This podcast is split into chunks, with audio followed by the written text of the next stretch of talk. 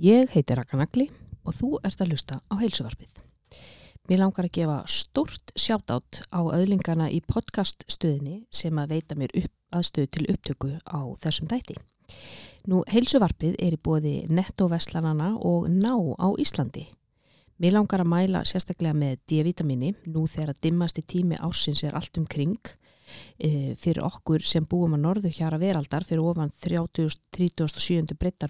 breytarbaug býr húðin til sára lítið að D-vitamini nema rétt svona í júni, júli, ágúst. Nú D-vitamin hefur áhrif á losun á velliðunar hormónum eins og serotonin, oxytocin og dopamin en of lítið að þessum hormónum flæður um æðanar þegar við erum í D-vitamin skorti.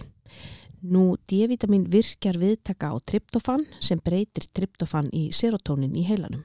Rannsóknir hafa sínt að D-vitamin hefur dreyið verulega úr kvíða einkennum hjá þáttakendum og aðrir hafa sínt að D-vitamin skortur er mun algengari hjá fólki með kvíða og deburð. Nú, rannsóknir hafa sínt að 4000 alþjóða einingar eru nægilegar til að hýfa einhvern úr skorti upp í ásættalegt magn en það getur þó verið einstaklingsbundið eftir hverjum og einum.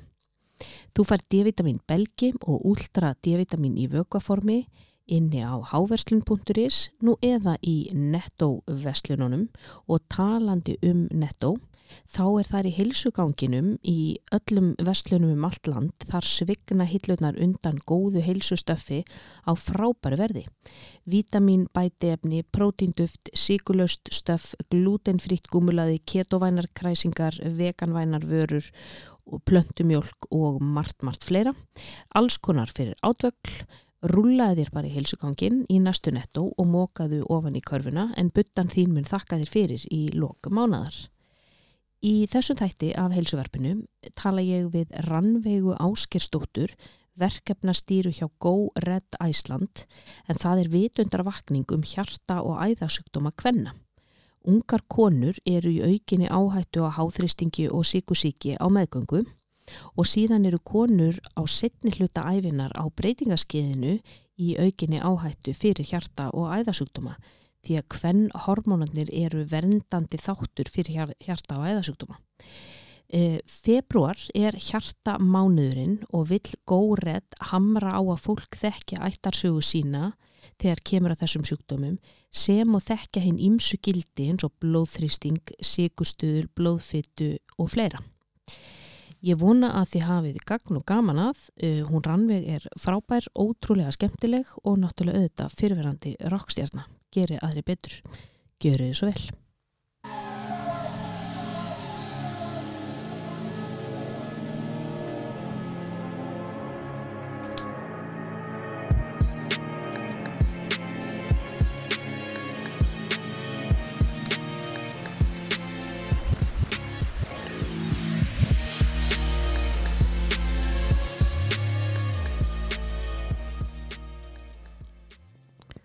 Halló, halló, halló.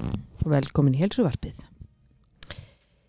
Hér sitt ég með konu sem heitir Rannveig Tryggvadóttir. Áskerstóttir. Áskerstóttir. Það er ekki hvað enda Tryggvadóttir kom. Það er förstu dagur.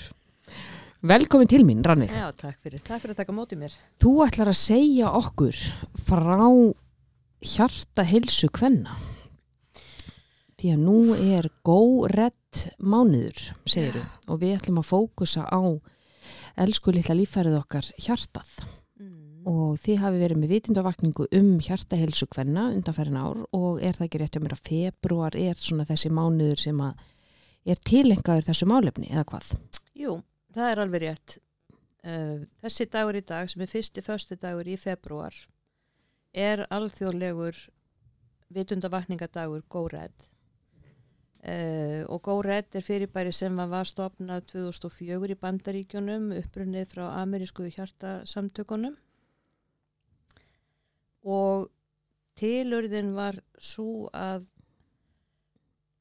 hjartasjútumar voru dánarorsök nummer eitt hjá konum. Nei. Og uh, þær voru hreinlega ekki að kveikja á því að það væri eitthvað að þessari litlu pumpu. Mm.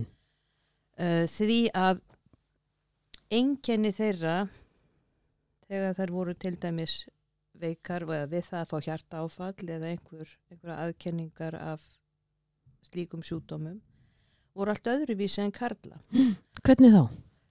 Um, þetta klassíska sem að menn lýsa þeir fá verk fyrir brjóstið sem leiðir út í handleg, mm -hmm. vinstri handleg, upp í kjálka og, svona þetta svona klassíska sem að fólk þekkir það voru konur ekki að upplifa Já, þannig að þær fá önnur enginni heldur en kallmenn Já meðal annars mm -hmm.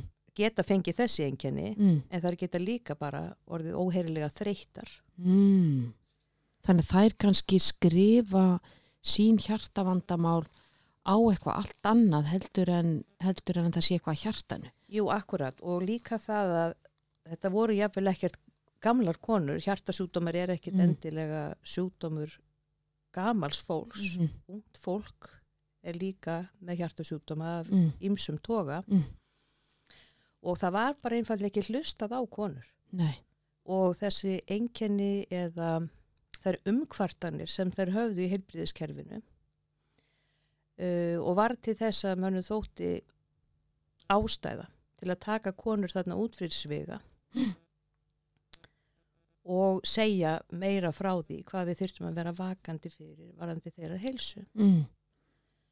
Um, það eigmir kannski enþá eftir af því bara í, í samfélögum að það sé ekki endilega hlustað á konur og það er kannski það er nú heldur betur, það eru fleiri, ég, ég, fleiri sjúkdómar já, akkurat, já. ég er svo sem ekkert að, að hérna, alhæfa neitt um það en til dæmis eins og þetta árið erum við að taka fyrir þema sem er breytingaskeiðið mm -hmm og það virðast margir vera að taka breytingaskeiði fyrir akkurat núna mm -hmm. þetta árið mm -hmm. það eru nokkur svona átök í gangi -hmm. til þess að upplýsa fólk og, og segja því hvernig þið getur liðið betur og hvað þurfa að gera og svo framvegis um, þannig að það getur svo margt komið saman á ákveðnu æfiskeiðimans að það er erfitt að greiða úr því hvað það er sem er að valda vanlíða Hvað, hvernig tengist uh, breytingaskeiðið og hjartahelsa?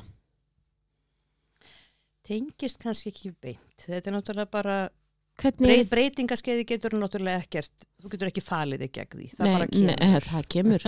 og, og það er einmitt, það er engin óhulltur það þetta er svona eins og dauðin og skatturinn sko. akkurat, já, akkurat. þetta bara en, en sko er breytingaskeið og hjartað já, akkurat Hva, hver... sko, það er nefnilega þannig að við erum svolítið hefnar að vera konur líka mm uh, með þetta, þessa hvennhormónu sem við höfum. Mm -hmm. Hvennhormónar hafa sínt sig að hafa verndandi áhrif á hjarta og æðakerfi. Þá estrogen og brókistrum. Akkurat. Mm -hmm. Og senka framkomnum hjartasjúdómi. Mm. Alveg segja mennum alltaf tíu ár. Eða. Þannig að karlar í rauninni greinast tíu árum fyrr enn konur. Hvað er það nú veit ég að þú ert ekki læknir Nei, nei, nei. þú ert hljómbórsleikari já, já, akkurat og við skulum bara koma því að hérna ég sit með rockstjörnu í stúdíónu sem að kunni miklu meira á græðirnar heldur en ég Well, já, þetta er svona, það tók svo við gammal rókari, já, ég veit, það, það lifir í gömlu glæðum já, já, já, en Rannveig, þú varst í sokkabandinu. Jú, það var ég. Það var raukt með þess að sokkabandi. Það var raukt, einmitt, að var, þetta, var, þetta var skrifað í skíin strax. En sko, ég veit um þetta, þú ert ekki læk, læknismentuð, en, Mhm. en, en segðu mér sko, hvað, veistu eitthvað, hvað er það í estrogen og prógestrón sem vendar okkur gegn hjartasjúkdum? Hvers vegna er, er þetta vendandi faktor? Nei, Nei, takk fyrir. það hef ég ekki hugmyndum. Nei. Það er hins vegar hægt að lesa sér eitthvað til um það í blaðinu okkar Já. sem að koma út í dag með fréttablaðinu. Það er þarna hjarta, hvað heitir, Mm. heitir þú Það með heiti þarna- hjarta þitt. Hjarta þitt og þetta Og- er sérst bæklingur sem komi hjart, með fréttablaðin í dag sem er förstu dagurinn 3. februar, Fjórði. 4. februar. Já. Það er aðeins svo mikið að gera hjá mér. Ég er- ekki með dagana, ég er ekki með nöfn neitt á reynu. Þetta er bara skemmtilegt. Já. Hjarta þitt að kom út í dag og þetta er minni mig fymta árið sem að þetta blað kemur út sem Mhm. ég fekk að verkefnastýra Mm -hmm.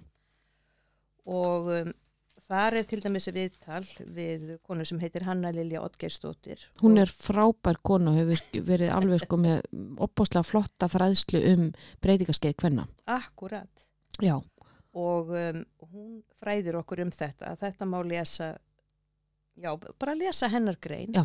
Það er eða viðtali við hana í þessu bladi. Það, það er rauninni opnar umræðuna kannski hvað best. Já, segð mér aðeins frá starfinu þínu. Þú ert sérst verkefnastjóri, uh, þú, hún, þú vinnur með henni Helgu Margreti Skúladóttur sem er læknir. Mm -hmm. Og formaður góðrætt.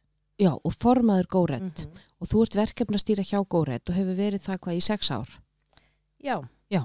Núna. Einmitt. Það er bara. Já, og þið hafi verið að, vera, verið að vekja aðtikli á þessum þessu hjá konum að við séum vakandi yfir merkjum um hjartasjúkdóma Mm -hmm. því að þau séu önnur en hjá köllum. Já. Þú segir það er mikil þreita. Já. Hvað önnur enginni þurfa konur að vera vakandi yfir þegar það kemur hjartasjúkdóma? Sko, varðandi bara almenna heilsu og þá sérstaklega líka hjartaheilsuna, þá hefur uh, þetta átak alltaf haft á takteinum nokkra þætti sem við þurfum að huga að. Mm -hmm. Það er það sem við köllum tölur líkamanns. mm. Það kunna allir símanúmeri hjá makanum og pinnúmerið á kortinu og svo Mhm. framvegis en, en það er ekki allir sem að vita tölur líkamanns sem eru þá blóðþrýstinguriðinn, Mm. það er blóðsiguriðinn, -hmm. blóðfitan Mm -hmm. og samsetningin á henni, góða kólesterólið, vonda kólesterólið, margir þekka þetta svona og svo þingdastöðuliðin, Mhm. BMI akkurat. mm Og bara eins leiðilegt að vera að tala um það, -hmm. að vera að tala um eitthvað kíló. mm -hmm. og, og þyngd og eitthvað þetta en þetta vegur allt Mm. þetta eru hlutir sem eru taldir fram til dæmis þegar að áhættu með þetta fólk gagvart hjarta og æðasjúkdómum eða kransæðasjúkdómum ásamt með fjölskyldusögunni -hmm. sem þú átt bara að vera með á hreinu þú þekkir alveg mögulega hverjir í fjölskyldunni hafi fengið krabba megin Mhm. en þú þekkir ekki hverjir hafi fengið uh, háan blóðþrýsting Mm. sikursíki Mhm. og sikursíki er mjög stór faktor í þessu öllu saman um, þú þekkir ekki hvort það hefur verið skyndidauði í fjölskyldunni hjá einhverjum nánu fjölskyldumeðlim og svo framvegis Mm.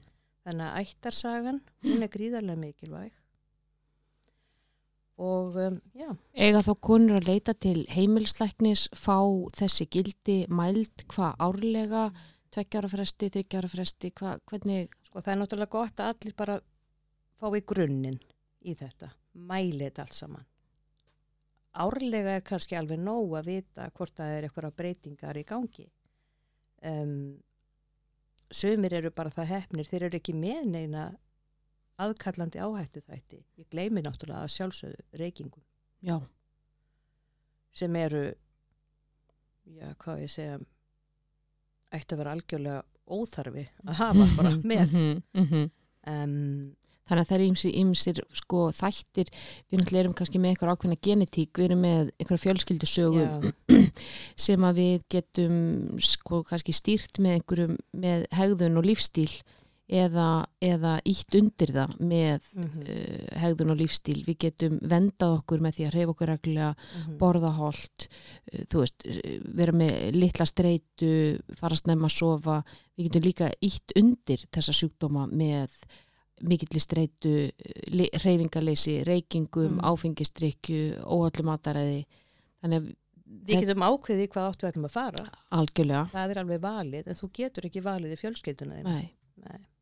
Þannig að þú ert þá bara fættur með þetta, að það er mögulega eitthvað undirleikjandi í þér. Þá er Mm. bara spurningi, hvað tryggar er það? mm og við þurfum sérst að fylgjast með okkur, við þurfum að vera með, með tölurnar á reynu og fá sérst að mældan blóðþrýsting, við þurfum að fá mælda blóðfytu, við þurfum að vita þingdastuðilin okkar, við Mm. þurfum að vita kólesteróli og þá er þetta HDL og LDL Mm sem er góða kólesterólið og Mhm. vonda kólesterólið og ég man alltaf, ég, það var einhver sem saði við mig, þú manst alltaf með kólesterólið, HDL er góða vegna þess að það er hjálplega, það er það sem hái stendur fyrir. Akkurat. Mhm. Vonda er LDL af því að það er leiðinlega.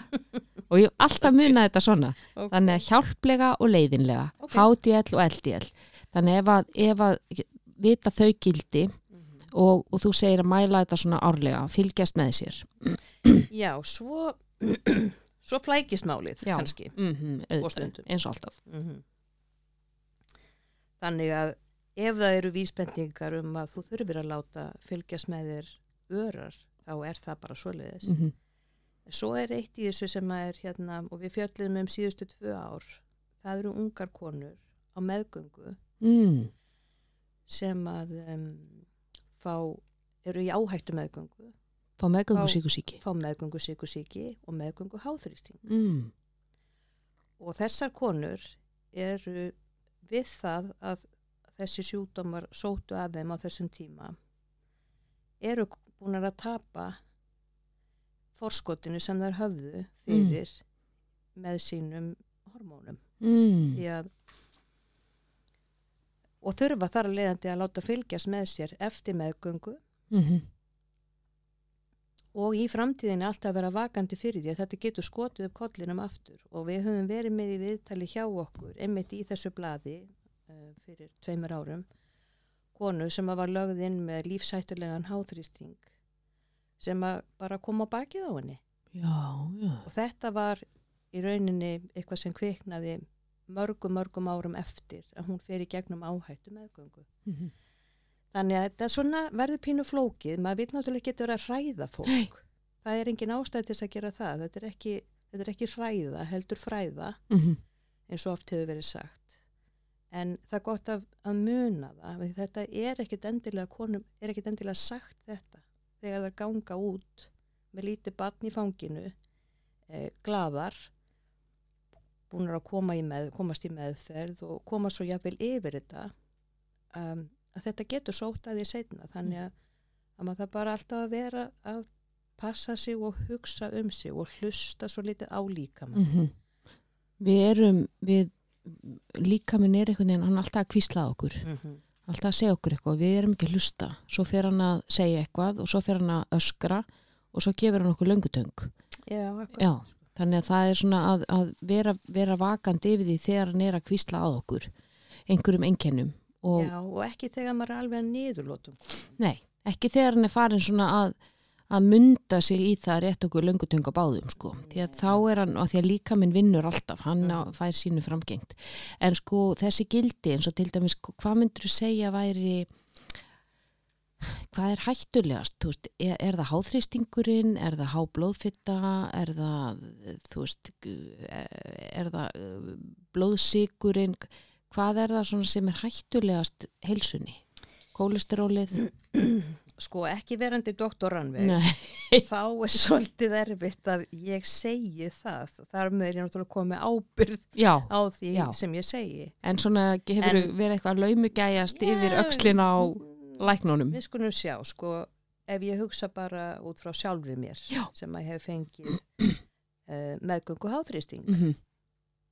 uh, Háþrýstingurinn er það sem kallað var silent killer mm -hmm. því að þú getur aðlagast háþrýstingi á ótrúlegan hátt mm. og finnur ekkit fyrir honu þegar hann læðist að þér þú færði ekkit allt í hennur og svo höfuverk og, þrýsting og þingsli og ferðstrafsleitt og kíkja á þig það er ekkit svoleiðis, mm -hmm. maður bara verður þreyttur í mínu tilfelli þá var ég bara rosalega þreytt alltaf mm -hmm. og skildi ekkit hvað máli var fyrir en að ég fór að finna sko þrýstingin bara í höfðinu mm. Þannig að háþrýstingur er hættulegur, mm -hmm. gangjan lengi, því hann rýfur náttúrulega upp á þér æða, æðakerfið að innan því að djöfulgangurinn í blóðinu er, er slíkur. Mm -hmm. Hver er enginni á háþrýsting? Hva, hvað finnur þau? Það er alveg öruglega einstaklingsbundið. Já, hvað fannst þú? Sko, fyrir það fyrsta á meðgöngu, mm. þá fann ég bara ekki neitt. Nei ég bara aðlagaðist þessu þannig að uh, maður er náttúrulega bara þarna með reysabömbu og síðustu mánuðu meðgöngu um, það eru alls konar enginni sem þú með, þú ert þreyttur og, og ómögulegur og þú fær bjú og allt þetta. En þetta er allt sem bara almenn enginn mm. en þú getur ekki sett puttan á það að þetta sé eitthvað sértækt fyrir það að þú sért eitthvað sjúkur. Mm -hmm. bara ófrískur. Mm -hmm. þannig að í rauninni þá mælist þetta bara þarna í skoðun. Ég var með 115 í neðri mörg sem er Vá, ansi hátt hvumi í neðri og hvað í efri mörg? Uh, ég bara mannaði ekki einu sinni, ég var nú bara fixir á þetta sko. Það er rosalegt. Já, já, þannig að maður fær bara lif og svo er maður bara settur á rúmlegu Já, og þetta er það sem gerist. já, Svo býður maður bara eftir því að geta átt barniðis fljótt og hratt og, og hægt er til þess að komast á aftur í eðlilegt ástand. já. En ég held áfram að vera á blóðþrýstingslefjum lengi eftir það sko. Bara,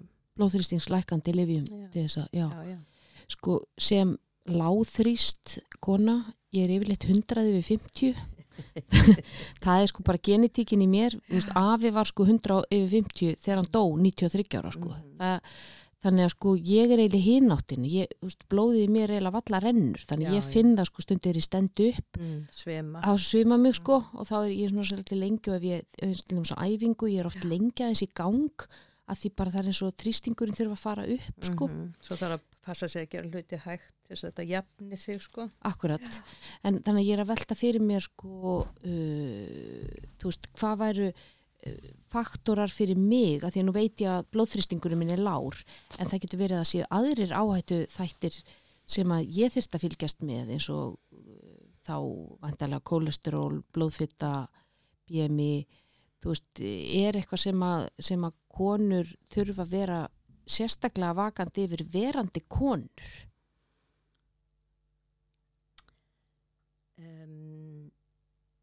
ekkert endilega svo mikið um svör núna. Nei. Því að ég held að það sé bæði karlar og konur undir í því sem ég segi næst. Mhm. Og það er sykusíkin.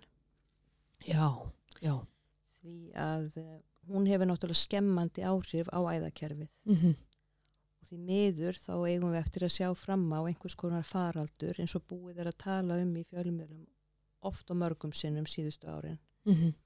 Hún er fimmfaldast eða ekki á síðustu held að það sé bara síðustu tíu árum þá hefur Mm, síkusíki tvö fimmfaldast á, á Íslandi Já, þetta er bara rosalegt. Já Hvað veldur? Er það mataræðið? Já, Já, erum við að borða á mikið af unnufæði, skyndibita, mm, elda lítið heima, lítið, Já. minna gremmiti. já, það er eitthvað svoleiðis. Ég, ég sjálf náttúrulega bara hef ekkert skoðað en það er engin fræðingur í þessu Nei. En og er náttúrulega bara að vinna með fólki sem að sér þetta daginn út og daginn inn mm -hmm. og hjálpa til við að miðla þá þessum fróðleiki gegnum þetta einu sinni á ári, Mhm. átak. Mm -hmm. um, en sem betur fer að þá sígur það í með hverju ári við hittum fólk um, á hverju ári sem að, að veit æg betur hvað þetta átak er Mm. og, og stendur fyrir og við erum að reyna að koma til skila um, en sko offita og sykusíki háþrýstingur ofan á það þetta er ansið slemt svona kombo Já, þessi kombinásjón er, er, er mjög hættuleg. Já. Já, já. Sko þyrti þetta átak ykkar ekki að vera oftar heldur en bara einu svona ári? Jú, við viljum náttúrulega bara helst setja sko, Mm. sko þetta snýtt kannski svolítið um að valdefla fólk Mm -hmm. em, hvað þýðir það? Eh, Það þýðir að þú ert í rauninni að rétta fólki upplýsingar sem það hefur vald til þess að gera það sem það vill með. Eh, Það getur verið óþægilegt. Það getur verið mjög óþægilegt eh, til dæmi segjum bara fyrir fæðinga og hversutumalækna að segja við konur á meðgöngu að þeir séu og þungar pluss það að vera ófrískar. Og hvaða áhrif þetta geti haft bæði á þær og barnið. Um, þetta er svona óþægileg umræða sem Mhm. að kannski engan langar að taka af því við viljum ekki að það miskiljist þetta er ekki, ekki hluti af fordómum. Þetta er ekki fordóma umræða þetta er raunveruleg hilsufarsumræða en þú verður að setja það í hendunar á fólkinu sjálfu hvernig það hugsa um sína heilsu. En það eina sem við getum gert er að rétta þeim alltaf sömu grunn upplýsingarnar mm -hmm. og vona að það prósessist svona inn í kerfið. Mm -hmm. bara láttu fylgjast með þér. Líði þér illa. Sértu veikur. Láttu kíkja á þig. Mhm. ekki býða Nei, nei. Og einmitt fræðsla, fræða fólkið um hva, hvaða afleðingar þeirra lífstíl, þeirra val, venjur og val hafa á þeirra hilsu. það er skilda þeirra sem taka á móti fólki í helbriðskerfinu að upplýsa það hver staðan er Segð mér aðeins frá Górett samtökunum. mm. Hvernig eru þið stopnuð og hvert er svona ykkar hlutverk? sko 2004 er þetta stopnað í Bandaríkjunu sem sagt Mm. 2009 hérna á Íslandi Mm. og hjartavernd er í rauninni verðari uh, átaksins ásamt með neistanum og, og hérna Neistin, neistin er, það er um, aðstandenda félag hjartveikra barna. Já, og hjarta heil sem að er, er sjúklinga og aðstandenda samtök hjartveikra. Mm heila heil, -hmm. uh, hjartadeildar landsbítalans mm. Þannig að þetta eru þessir hópa sem hafa, sem að stopnuður rauninni góðrætt Mm. á Íslandi. Og hafa verið með um, fræðslu allar götu síðan, mjög mismunandi. Fyrst byrjaði þetta með svolítið svona opinberum hætti, þau voru í, á, í verslunamiðstöðum með mælingar fyrir fólk og svona hilsufarsmælingar, gerðu það í nokkur ár voru með tískusýningar, voru að sína rauða kjólin og svona. Það, Já, rauða kjólin. Já, já. Rauði kjólin er sko aðalsmerki góðrætt Mm. og gaman að segja frá því að það er verið að selja rauða kjólin, næluna, núna, Er það? þennan mánuðin Hvar getur maður keift hana? öllum stöðum World Class. Ok, ég æfi í völdklass þegar ég er einna. Já, já. Já, Sem er samstarfsaðili okkar þetta árið er það? Og hafa gert ótrúlega flotta hluti. Allir tímar í dag, eh, 4. februar, eru góðrætt tímar í öllum World Class stöðunum. Og hvað þýðir það? Allir, það allir eru mæti í rauðu? Já, það Já. er rauninni þannig. Já. Þau hvetja allar til að mæta í rauðu. Ok, Eins og við höfum gert náttúrulega bara við landsmenn, Mhm. hvetja mm til þess að mæta í rauðu. Þú ert í rauðri skýrtu. Jú, jú. Já. Og við höfum valið okkur svona samstafsæðilega gegnum síðustu sex ár, sem eru gertna þá rauð fyrirtæki, Já. til þess að vera með okkur og vera er, bóðskapin áfram. já, hvað er rauð fyrirtæki? Einu sem er dettur hjá Votafón? Já, einmitt, þau, en neitt. Já, einmitt, Mm. já. Þannig að þið sérst eru, eru með rauða kjólin Mhm. sem er næla, hún er sölu á völdklass, hvar annars þar? Bara þar. Bara þar, ok, Núna. ég ætla að kaupa hana. Já. Já, hún er tilsest í bara, og er þetta svona eins og bleika slaufan, bara setjum maður hana Já, í, já, Já, já, ok. þetta er bara nákvæmlega Ok. þannig. Mm Þannig að þið stopnum 2009 og þið hafa verið með tískusýningar og með hilsufarsmælingar og hva- hvað, hvað fleira er það? Svo vorum við með stóra ráðstefnu á Mm. tíu ára ammælinu í uh, Hörpu, Mm. hétt Hugur Hjarta Heilsa. Mm. Og þar voru nokkra konur sem að heldu erindi bæði læknar Mm. og, um, og svo leikmenn sem að heldu þar erindi og það var afsk afskaplega vel sótt. Það voru 300 konur sem mættu þar á þessar Mm. ráðstefnu. Mm.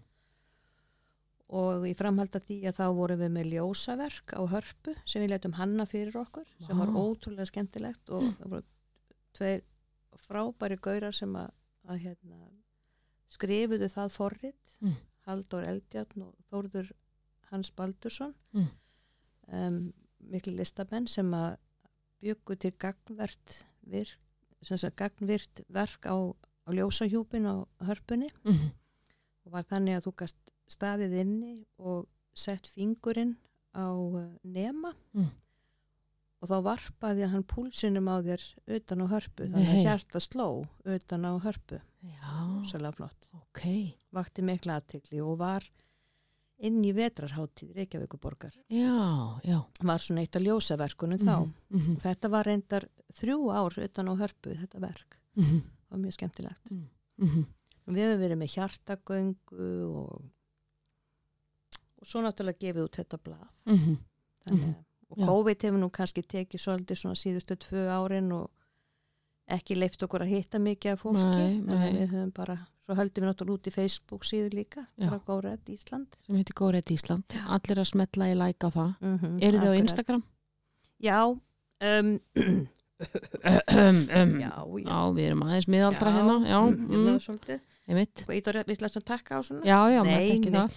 Sko, ekki mjög mikið. Nei, ekki mjög mikið. Svona bara veikumætti já, Já, já, já, já, en við, það kemur. það kemur, ég veit að þetta er já, já.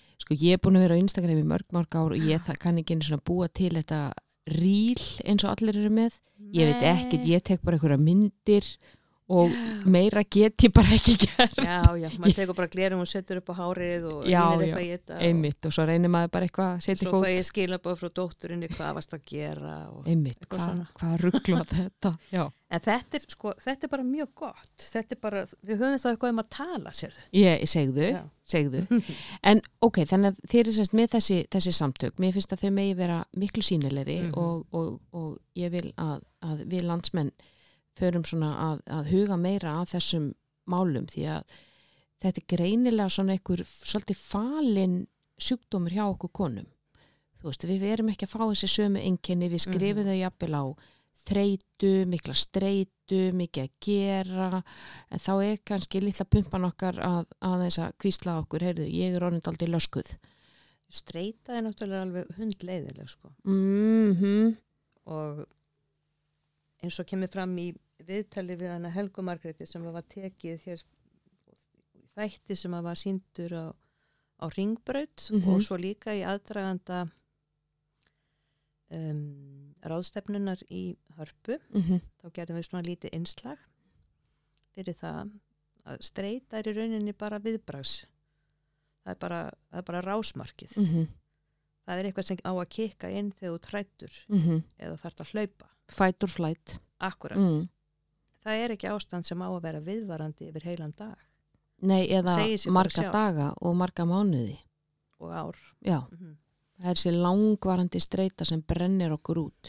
Akkurat, þannig að þú ert þú ert að keira þig og ansi hröðum hjarslætti yfir daginn. Mm þú Og styrir það er- rauninni eins og sérst að hlaupa bara marathón sko. já, akkurat, þannig að það er ekkit óæðilegt að vera þreytur Mhm. á því Það því allt þegar við seitum út kortisóli og adrenalín þá fer allt af þessu sem þú nefndir öll þessi gildi fara upp blóðsíkurinn fyrir upp, Mhm. blóðþrýstingurinn fyrir upp hjarslátturinn eikst þannig að sko við erum að keira þessi þessa hluti upp í líkamannum mm -hmm. aftur og aftur og aftur yfir daginn þannig að sko með tímanum þá verður vestnun á þessum það verður, með, það verður háþrýstingur það verður aukin blóð, blóðsíkur það verður aukin blóðfitta það hjarta og æðakerfið fara að, að þau fara að þrengjast. Þannig að er streitan svona okkar helsti óvinnur þegar það kemur að hjartahelsu ég held hún sé algjör óvinnur já.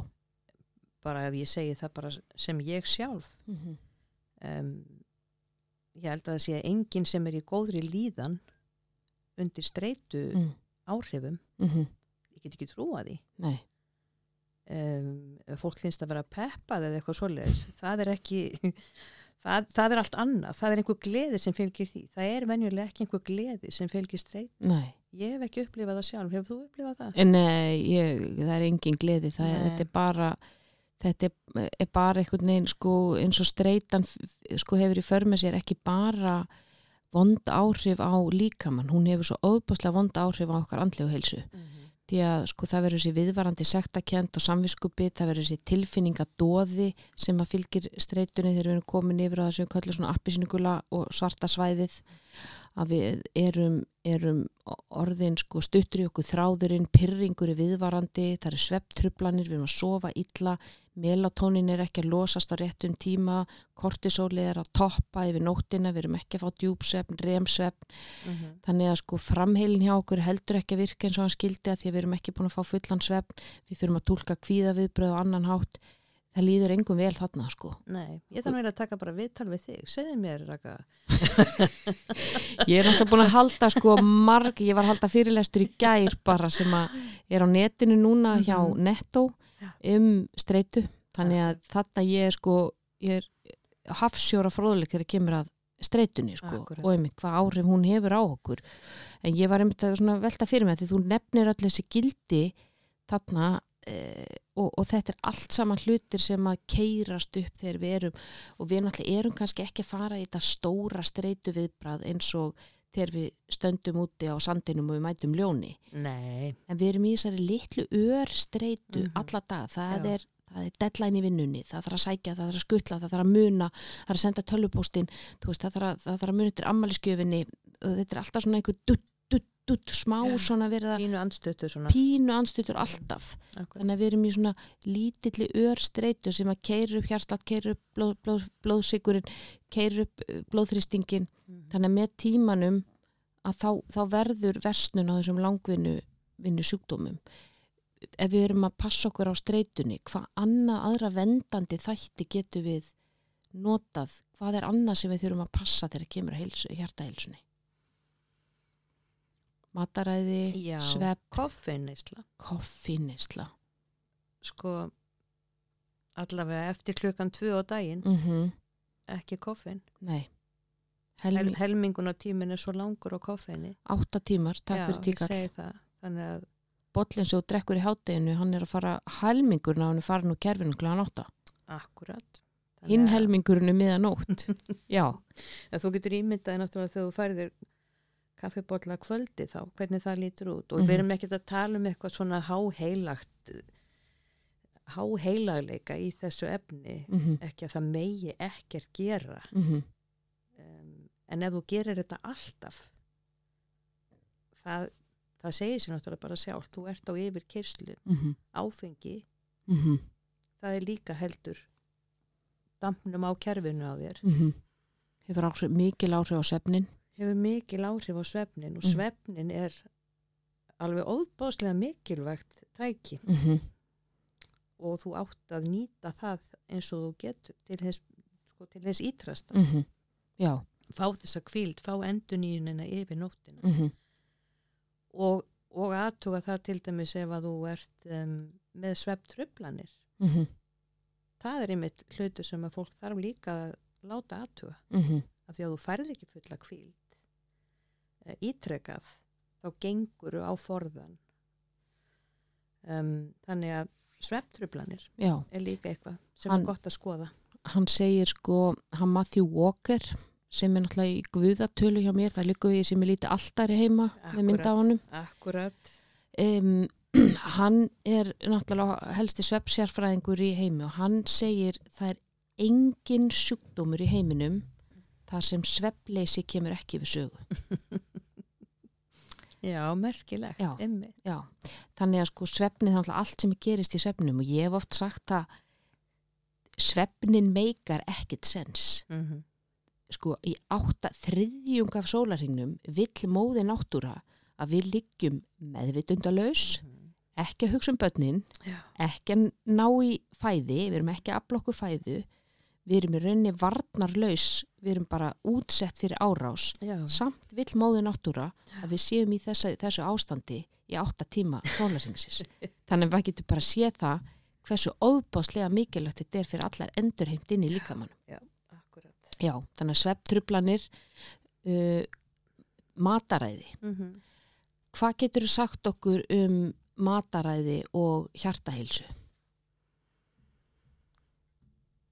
Já, Og erfiðasta spurningin er? Já, akkurat. Þegar stórt er spurt. Nú ætla ég að segja alþjóð. Hvað hún er að borða. Já. í mitt, um, Unnin matur. Já, sleppa honum. Ég menna, þetta er bara, það er alltaf sama tuggan. Mm og það er alveg svona hvort að ég segi það eða einhver annar, þetta, þetta mun alltaf líta nákvæmlega eins út, það er ekki þetta matrið að neitt öðruvísi, -hmm. Þannig að sem fjölbreytasta fæðu, Mm -hmm. trefjaríka. Mm það er bara gott fyrir meldinguna þína. Þegar þú segir unnin matur, hvað áttu við? saltaður Mm. og Reyktur, feitur og reyktur. Já, með mörgum inni alls mikið hakkaður með alls konar dóti. Já, svona matur sem að við hérna börnin í, áttunni vorum alveg upp á. Akkurat sko, Já, en ég menna Já, já. Vera með sem mesta fæðu sem hefur bara Sykur. eitt inni allt ég meina hver, hver getur ekki talað um það? Mm sem eigur náttúrulega bara bólgur í líkamannum já, já, bara Mhm. þannig. Mm þannig að sko uppskrifta góðum degi er að vera með sem mesta bara heitli fæðu. Uh, til dæmis havragrauturinn nú náttúrulega er glúkagon í honum sem að lækka mm. kólesterólið. Mm. þannig að, að, að havragrautur er sko segi ég alltaf er bara er, er grunnur, hann setur tónin fyrir daginn, stendur með manni vel Já, ég menna þetta er bara seðjandi matur og, og hann er líka pínu flókin mm -hmm. fyrir þig mm -hmm. þannig að þú ert að vinna á leiðinni í gegnum líka mann mm -hmm þetta dót hefur eitthvað að gera -hmm. uh, brís og gall og allt þetta er svolítið bara þú veist að vinna -hmm. reynsa sig og svona eitthvað þú veist að mhm. þú fer út í það mhm. en hérna gós, sigur mhm. mikið saltaðu matur en þá ekki miskilja salt er nöðsynlegt Já. líka ef þú sneiðir algjörlega hjá salti þá fyrir náttúrulega bara búskapurðið inn í einhver þrótt líka Já en að vera með þetta góða salt, sjávarsalt og, en ekki salt sem er í, búið að bæta í fæðuna sem er oft bara vondt salt, yðnaðasalt sem að... Já, bara alls konar, Já. ég bara þekki það því miður ekki nógu vel. En, hérna, en að borða kannski bara sem reynast hann mat bara þekktu það sem er á disknuðinum og borðaðu grænmeti. Mm -hmm. Ég segi stundum sko þurfum við ekki að fara aftur til fortíðar? Þú veist, þegar við horfum á matarvenjur okkar í dag versus bara fyrir sko 50 árum.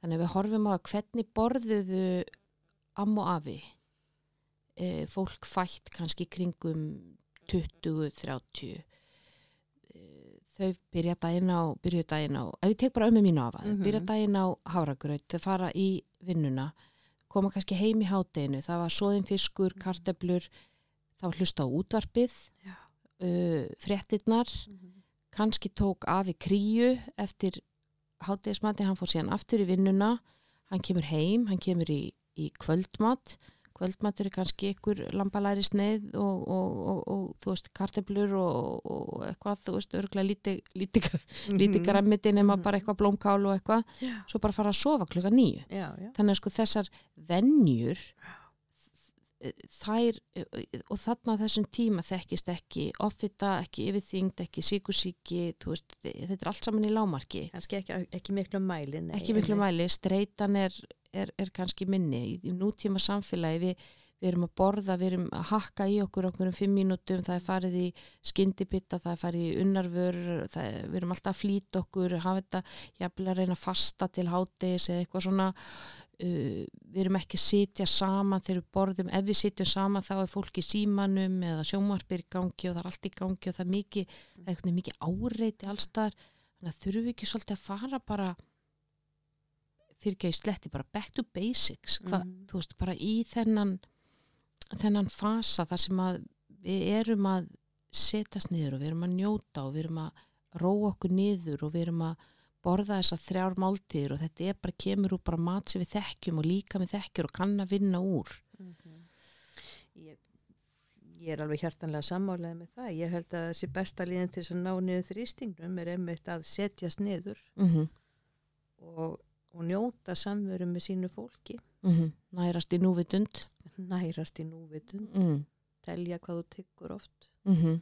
Emitt. Nei, en hvað með, hvað með eins og reyfingu og hjartaheilsu? Öll reyfing gildir. Já. Það bara skiptir engum máli hvað það heitir. Mm -hmm. Findu bara er fyrir skemmtilegast að gera. Um, það er heldur kannski ekki hægt að setja tímafaktor á það fyrir fólk að við ætlum ekki vera með einhverja gríðarlega forræðisíkjum. Mm -hmm. Margi segja 30 minnur á dag. Mm -hmm. um, af göngu til dæmis. Mm en bara að reyfa sig alveg sama hvað er mm -hmm. er bara gott nema kannski að setja puttan á fjárstyringuna það er kannski það er ekki reyfing, ég veit það ekki. Nei. en þú fær rosalega massaðan vísifingur. Já, rosa massaðan vísifingur. En sko mm, styrtarþjálfun mm. og, og og hjarta helsa já. Hvað er sko hvað nú, er, nú er oft, nú oft talað um sko að þólþjálfum, það hefur talað um göngur, hlaup, hjól og svona. En það er svona rannsóknir að sjá það betur og betur að sko að því vöðvar er svo opaslega virkur vefur mm -hmm. að það að stunda styrtaþjálfun og, og fyrir konur að stunda styrtaþjálfun er svo gríðarlega mikilvægt. Bara upp á sko beinþyningu, setna meir að við séum með sko bakið mm -hmm. stert, við séum með grindina sterka mm -hmm. og við séum líka sjálfbjarga og það er stundu talað um sko vöðvar eru, eru, eru líffæri langlífis mm -hmm. að við séum sko, við sjáum það bara áttræður maður sem hefur verið að lifta lóðum allt sitt líf versus einhver sem hefur ekki gert það hann, hann sko, hann ber sko, höfuð og herðar mm -hmm. yfir, yfir í, í sko, sko, hvað hann er sjálfbjarga og hvernig hann ber sig og hvernig stóðkerfið er um, Já, líka ef að sjúkdóma ber að mm -hmm. get, við getum sagt sér svo hversu vel ert í stakk búin Akkurat um, Varandi beinin mm -hmm. að algjörlega ótengt góð rétt að því að þetta er nú bara svona spjallum daginn og veginn líka, er það ekki? Jú. Að þá var ég að vinna með beinvernd mm. fyrir nokkur, nokkrum árum síðan og við vorum með fyrirlestra í grunnskólum mm. þar sem við vorum að hvetja börn til þess að vera í útíveru og reyfa sig, ganga, hoppa, hlaupa til þess einfallega að reyna á beinin því að við mm. högg og þetta er frá þetta er kannski svona upp að 14-15 ára aldri þegar það lokast svona fyrir beinendana mm -hmm. og, og vakstar möguleikana þá ertu að leggja inn í það sem að beinmenn kallaði beinabankan ah, þannig að þú ert í rauninni já, beinabankin, mm -hmm. þannig að þú ert að, að bygg, þú ert í rauninni að sko, hvetja til beinvakstar mm -hmm. svo missiru þennan eiginleika að geta verið að byggja við beina vöxtin mm. og þegar þú svo orðin komin á breytingaskeiðu og svona og þeir sem eru þá að eiga við beinþynningu þurfa þá að fá lif til, að, til uppbótar. En hugsaði það að þú gerir þetta byrjar svona ung við, all, við getum ekki alltaf byrjað bara að tala inn í miðjum aldri. Við verðum að tala um allan aldur hvort sem það eru karlar eða konur. Og þú byrjar snemma og passar reyfing sem mikil og góð bara almenn reyfing þegar þú ert krakki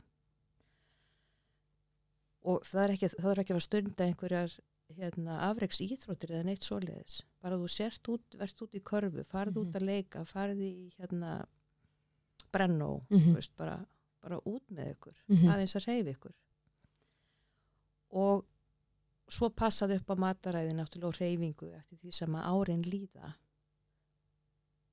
byggja vöðvana og liðleikan og þegar þú er komin inn á þennan miðjanaldur og plús þá ertu ansið vel stattur mm -hmm. þá ertu búin að leggja svolítið inn í það að ef þú verður veikur mm -hmm.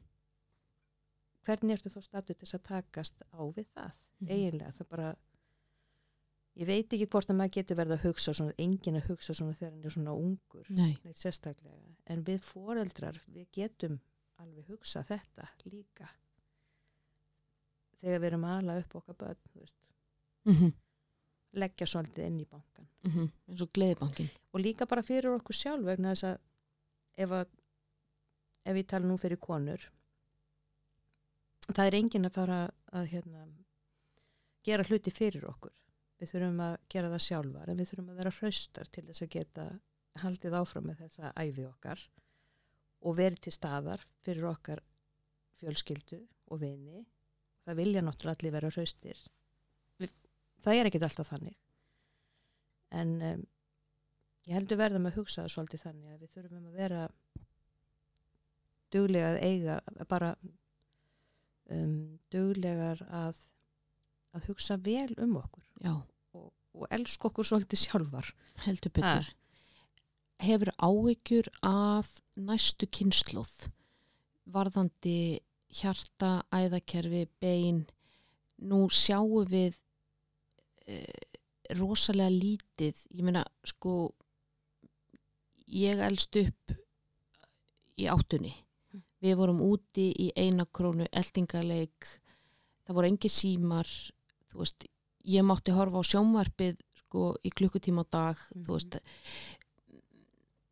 hefur áegjur af þessari kynslo sem er að vaks og grasi sem er boruð ofan í símana er ekki úti, er eins og segir, er ekki að hoppa og stökva og leika sér eins og fyrir kynnslóðir, er jafnvel ekki að næra sig á, á góðum mat, er, þú veist, aðgengið að alls konar er orðið auðveldara, við þurfum í raunin ekki lengur að fara út og afla okkur mata, við þurfum ekki eins og að fara út í búð, við getum ringt, við getum bara pantað í ykkur appi og, það kemur bara ykkur maður heim með ja. mat, mm þannig að sko reyfinga, okkur gert svo auðvelt fyrir að þurfi ekki að reyfa okkur, ja.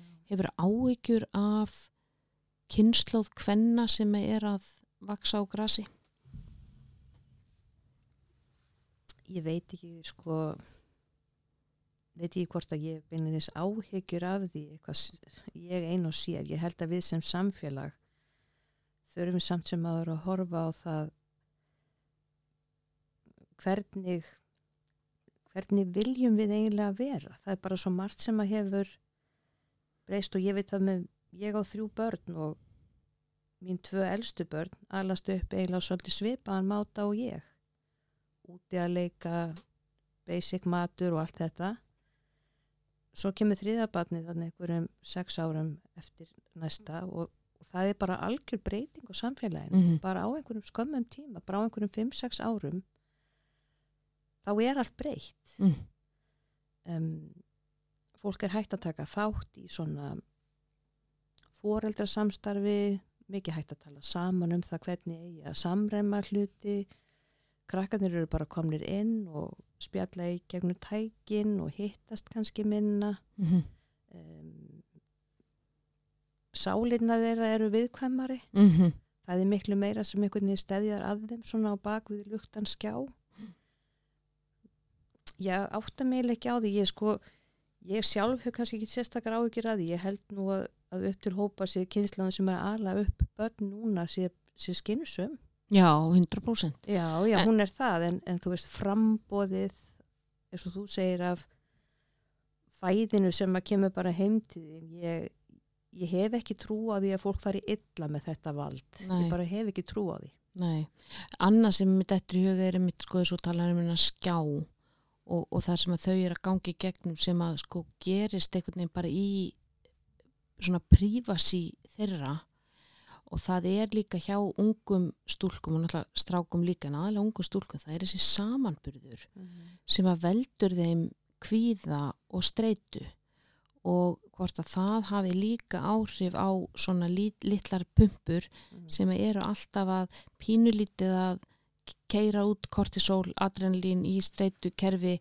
vegna þess að ég er ekki nóg góð ég er ekki að fá jafnmörg likes, ég er Já. að setja út einhverja mynd, þessi sagði ég veri ljótur, þú veist. Ok, þannig að við erum að setja saman svolítið hvað er að, hvað er að gerast í samfélaginu við líkamlega helsuð. Já, ég er svona pæli sko þessari litlu örstreitu sem við fullandafólki erum að upplifa, eru þau ekki að upplifa það líka í gegnum skjáin og samanburðin og Instagram og TikTok og kvíðin og kvíðin er að aukast En er þetta ekki alltaf sömu viðbröðin? Jú, þetta er alltaf sömu viðbröðin ja. þannig erum við kannski að upplifa þessi viðbröð miklu fyrir á æfinni heldur en, og í meira mæli heldur en áður. Áður gæti maður bórið sér saman við sko sína bekkarfélaga en þú varst ekki að fá þetta stöðugt í æð eftir að þú komst heim vegna þess að þú hefur núna aðgengi að síma og hvað er þess að gera og hún er að gera eitthvað skemmtilegt og ég er ekki að gera það og hún er að setja mynda sér og hún er miklu sætari og,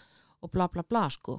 Mm, þannig að þetta verði streyta í kringum þetta. Í, í kringum þetta og mjög snemma á æfinni hvort að það hafi áhrif á hjarta hilsu. Ég er bara svona, nú er ég að fabulera. Já, akkurat. Mm. Ég, ég myndi svo sem geta spurt það sama. Já. Ég get ekki svarað í. Nei. En ef maður ætla bara að setja þetta skinsamlega saman þá er þetta óheilbreyð viðbröð mm -hmm. sem eru kannski konstantli yfir daginn. Auðvitað og þetta eru litli líkamar. Mm -hmm. um, þá get ég kannski spurt að móti mun fólk brenna út fyrr? Hvað er útbrunni? Já, hvað er útbrunni það er það sem við erum að eiga við í dag. Mm -hmm. er það ekki, það ekki bara sálarlegt? Það er oftast eitthvað líkamlegt líka er það langþreita líkamanns mm -hmm. í sambland við uh, sálarlífið mm -hmm. sem að gerir útbrunnan